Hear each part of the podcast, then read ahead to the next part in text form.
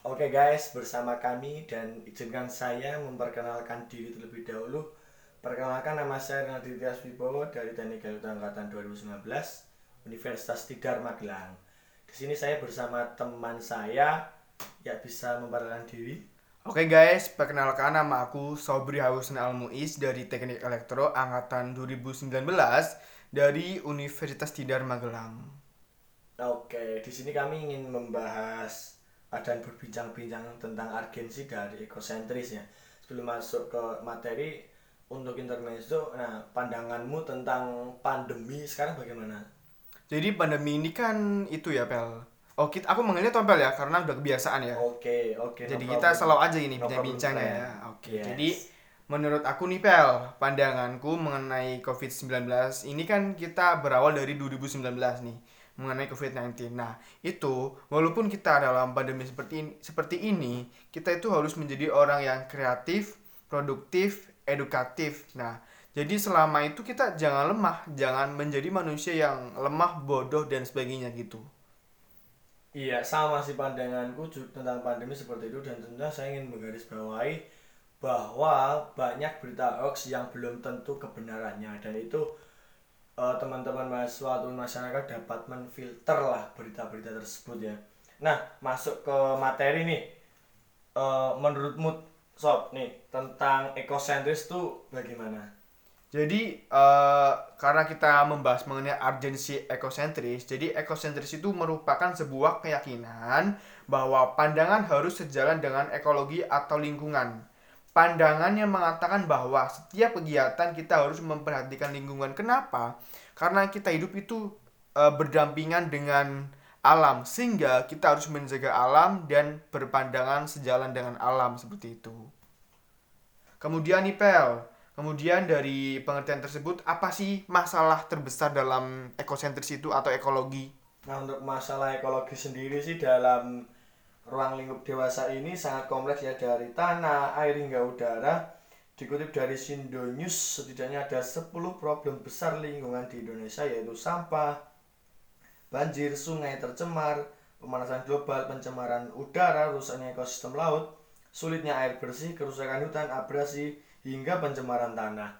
Nah itu sedikit masalah dari ekologi sih. Terus menurutmu nih tentang korespondensi antara kerusakan ekologi dan faktor untuk menanggulanginya itu seperti apa? Kalau menurut aku sih ada beberapa beberapa faktor ya. Iya. Kemudian kalau aku eh, mengutip tulisannya dari Yani Kairina dengan judul Kore- korespondensi antara kerusakan ekologi dan faktor penyebabnya, didapatkan faktor penyebab dari rusaknya ekologi yaitu ada beberapa. Yang pertama ada faktor manusia, yang kedua ada faktor alam, yang ketiga ada teknologi boros energi. Nah, dari faktor manusia ini contohnya ada egoisme manusia, keserakahan manusia dan lain-lain. Kemudian ada faktor alam, contohnya kayak hujan yang menyebabkan banjir, abrasi pantai akibat ombak laut. Kemudian dari faktor teknologi boros energi, contohnya kayak industri pabrik yang membutuhkan banyak energi, polusi dari kendaraan dan lain-lainnya seperti itu. Kemudian nih Pel. Nah, kan tadi faktornya udah nih faktor penyebabnya. Oke. benar. Kemudian eh, apa sih dampak dari kerusakan ekologi tersebut sih? Ya dari kerusakan pastinya akan ada dampak ya dan terkesan dampaknya terkesan negatif ya. Di sini ada beberapa dampak yang disebabkan dari kerusakan tersebut. Yang pertama kerusakan ekosistem tumbuhan. Nah di sini melingkupi kerusakan hutan, kebakaran hutan, penebangan hutan liar.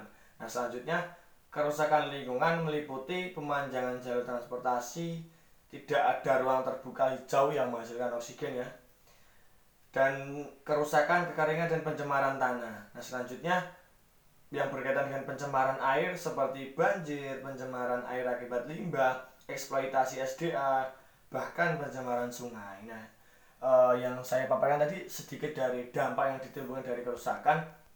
Nah, di sini dari kamu nih cara mencegah dari eko ekosentris seperti apa?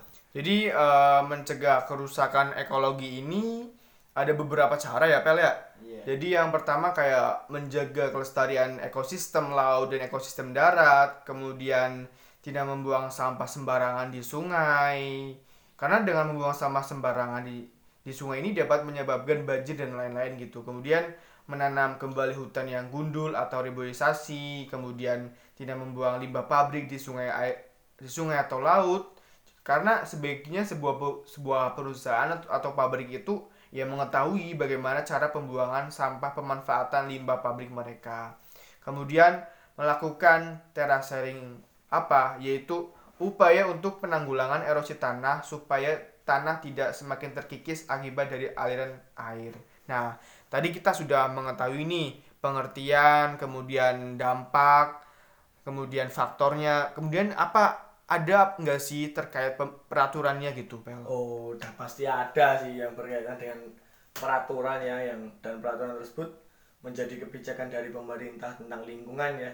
Di sini ada beberapa peraturan yaitu tiga peraturan lah mengenai lingkungan. Yang pertama mengenai Green Constitution dapat dilihat dalam pasal 28H ayat 1 dan pasal 33 ayat 4 UUD 1945. Dan yang kedua tentang prinsip pembangunan berkelanjutan, sustainable development dan wawasan lingkungan sebagaimana ditegaskan dalam pasal 33 ayat 4 Undang-Undang Dasar 1945. Dan yang ketiga, Undang-Undang 32 tahun 2009 tentang perlindungan dan pengelolaan lingkungan hidup. Nah, eh, tadi beberapa uraian dari bincang-bincang kita ya Sob ya Iya benar. Berkaitan dengan urgensi ekosentris dari pengertian, masalah, korespondensi, dampak, cara mencegahnya hingga peraturan. Nah mungkin sampai sini sih eh, bincang-bincang kita dan semoga kita dapat bertemu kembali di lain waktu. Ah, jadi memang urgensi ini benar-benar urgensi ya, benar-benar urgent karena memang kita hidup berdampingan dengan alam. Jadi mengenai urgensi ekosentris ya memang urgent banget gitu kan Pel. Iya, betul sekali. Nah, jadi mungkin seperti itu ya Pel dari bincang-bincang kita semoga bisa bertemu di lain Waktu. waktu. Oke, terima Bye. kasih. Kawan-kawan koh.